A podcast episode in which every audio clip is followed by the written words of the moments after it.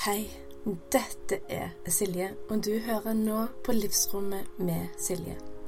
Denne podkasten her er den du hører på for å bli inspirert, for å bli løfta opp, for å lære nye ting, men òg sånn at du finner din vei gjennom motgang og selvfølgelig medgang, sjøl om du har prøvd så mye allerede. Så du, ha en god lytt. Denne episoden her er sponsa av mitt signaturprogram Stress og syklus runde to, som er nå i høst. Og ventelista den er åpna, så du kan sette deg uforpliktende på og få beskjed aller først når du kan melde deg på. Velkommen, velkommen til en aldri så liten bonusepisode. Planen opprinnelig i sommer var jo annenhver uke. Men jeg tillater meg sjøl til å avvike litt fra den opprinnelige planen, for det, det, er jo rom for det. For jeg kjente det er noe jeg bare må dele med deg. Det er noe jeg har nevnt i en tidligere episode, men det kom opp på ny, og jeg kjente den fantastiske effekten egentlig med å snu noe på hodet som vi har hatt her i Norge som en slags um, sannhet. En, um, en, en, forståelse, en allmenn forståelse av at sånn er det bare.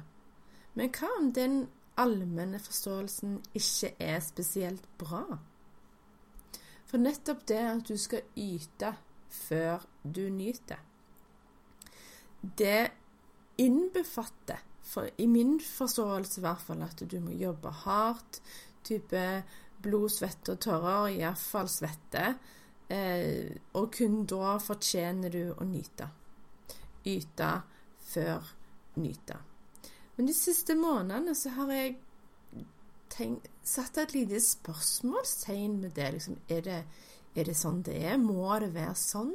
Selv om på en måte paradigmet og liksom det patriarkalske samfunnet og måten det er veldig maskulint eh, med jobb og karriere og samfunn og forventning, både indre og ytre, og kondisjonering og hele den pakken, så er det sånn det vi må fortsette å ha det, eller kan vi gjøre det på en annen måte? Så prakteksemplaret her, det var i går. Da hadde jeg en eh, for så vidt effektiv eh, morgen med på en måte klesvask og oppvask og sånne huslige sysler. Men istedenfor å begi meg i gang med neste store punkt, som var å bake eller lage noen råkaker, så tok jeg meg en god, lang meditasjon. Ordentlig slappa av. Jeg leste til og med i ei bok Ei fiksjonsbok, til og med. og så virkelig nøyd. Og deretter jobbet jeg. Så jeg switcha om. Jeg gjorde nyte før yte. Og det er noe jeg på en måte ser har hengt igjen, og det vil nok for, fortsette å henge igjen ganske lenge. Det der med at man føler seg sånn pliktoppfyllende i å yte før man nyter. Men det jeg vil nevne for deg, det er det at hva om det blir enda mer eh, produktivt, effektivt, effektfullt, kraftfullt, enkelt, lett, eh, flyt om du nyter før du yter? Fordi at du lader opp fordi at du tar vare på deg sjøl, fordi at du fortjener det. Denne episoden her blir virkelig ikke lang, for dette poenget her, det er kort, konsist, rett fra eh, min forståelse, mitt hjerte, til ditt. Og det er egentlig det at hvor henne i livet ditt kan du nyte mer før du forventer av deg sjøl at du må slash skal yte. For man, det her Jeg syns det hele på en måte Samfunnet og det at vi er kondisjonert til å jobbe hardt og stå på, og deretter fortjener vi å nyte.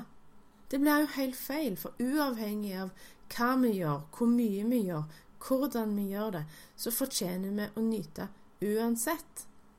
Det er ingenting vi kan gjøre eller si eller tenke for å bevise at vi er gode nok til at vi fortjener å nyte. Det gjør vi bare fordi vi puster, fordi vi er her. Da fortjener vi å nyte. Så egentlig ingenting du gjør, sier, tenker, oppfører deg, kler deg, eh, rydder huset på en spesiell måte, for det var det jeg kom på nå. Det er ingenting av det som gjør at du fortjener noe mer. Den er en ganske hard nøtt å, å knekke og forstå, spesielt når det er så innkjørt, så indoktrinert i vårt omtrent DNA at vi skal yte før man nyter. Men den sannheten, den føler jeg og håper.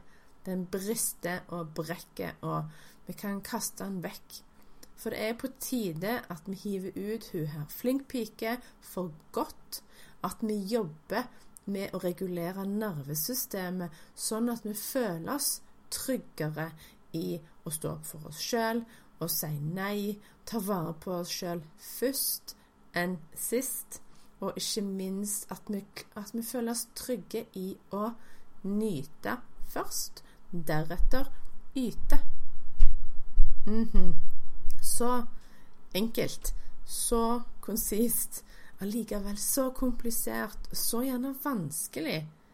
For hvis du gjerne ikke er der helt ennå, der du har den forståelsen, ei heller erfaringen, så kan det være veldig vanskelig for deg å på en måte forstå konseptene her. Det er på tide at vi setter foten ned, og at vi setter foten ned for oss sjøl. Og jeg tenker oss sjøl, da mener jeg primært damer. Selv om flink gutt er òg for så vidt et syndrom som vi kan snakke om en annen gang, men akkurat dette her, denne konteksten her, denne episoden her, eh, denne bonusen, det handler om flink pike. Det handler om at vi føler oss forplikta til å yte før man nyter. Men jeg vil at vi skal jobbe sammen, for det her er en kollektiv greie. Det er en kollektiv energi som ligger som en sånn base, og der har han jammen ligget lenge. Men fordi at den har ligget der lenge, så trenger den ikke å ligge der lenger. Hvis du er mor, noe du sannsynligvis kanskje er, for majoriteten av mine lyttere, de er mødre så har du ett eller flere eh, eh, arvinger, enten det er gutter eller jenter. Men det du lærer vekk til de, bevisst, ubevisst, det er det som de tar med seg videre, som blir gjerne deler av sin sannhet når de blir foreldre igjen. Så vi har, vi har makta og vi har krafta til å stoppe det her og nå, sånn at det ikke går videre til videre generasjoner. At man må, må yte før man nyter. Og det å um, balansere eller nav navigere, sjonglere det som trebarnsmor med tre forskjellige, ytterst forskjellige jenter, det syns jeg personlig òg er vanskelig. Å skape et nyansert bilde og forståelse av at eh, det er veldig hensiktsmessig å bidra i hus og hjem med det som faktisk trengs å gjøres. Eh, men det er òg veldig fint å kunne kose seg og nyte det som man har lyst til å nyte, uavhengig om man har støvsugd eller tok oppvasken eller ei. Så det all eh, si, eh, respekt og forståelse til at ja, det er vanskelig, spesielt med barn, eh, men det er desto viktigere å gjøre det. Og det starter med oss sjøl. Så i ditt liv, kjære lytter, så starter det med deg. Og i mitt liv så starter det med meg. Og vi må Vi vil gå foran som et godt eksempel. Med en åpenhet og forståelse om at vi er ikke perfekte. Vi gjør så godt vi kan, godt vi kan, men det er ett skritt om gangen. Så fra nå av så er det mer nyting før yting. For i går når jeg lagde de kakene og kom ut fra soverommet ferdig meditert, ferdig hvilt, egentlig lada så var det supergøy, det var superkjekt, det var Det smakte godt, det ble veldig bra, og det føltes lett. Det føltes som om å ja, lage kake i nedoverbakke kontra oppoverbakke. Oppoverbakke. nå stokker jeg litt om ordet her. Men ja. Så bare ta mitt eh, eksempel, eller kjenn i livet ditt hva er dine eksempler på akkurat dette her, og jobb med nettopp det å nyte mer før du yter. For da blir det du skal yte, lettere, gøyere, kjekkere, fortere gjort, mer effektfullt. Ja, OK. Gled deg til neste episode, for den er fantastisk, den òg. Så gjerne del denne podkasten på Instagram med de som du kjenner, screenshot i stories, tagg meg, eller bare send linken rett til de som du tenker har et stort utbytte av å høre min pod. Ha det, da!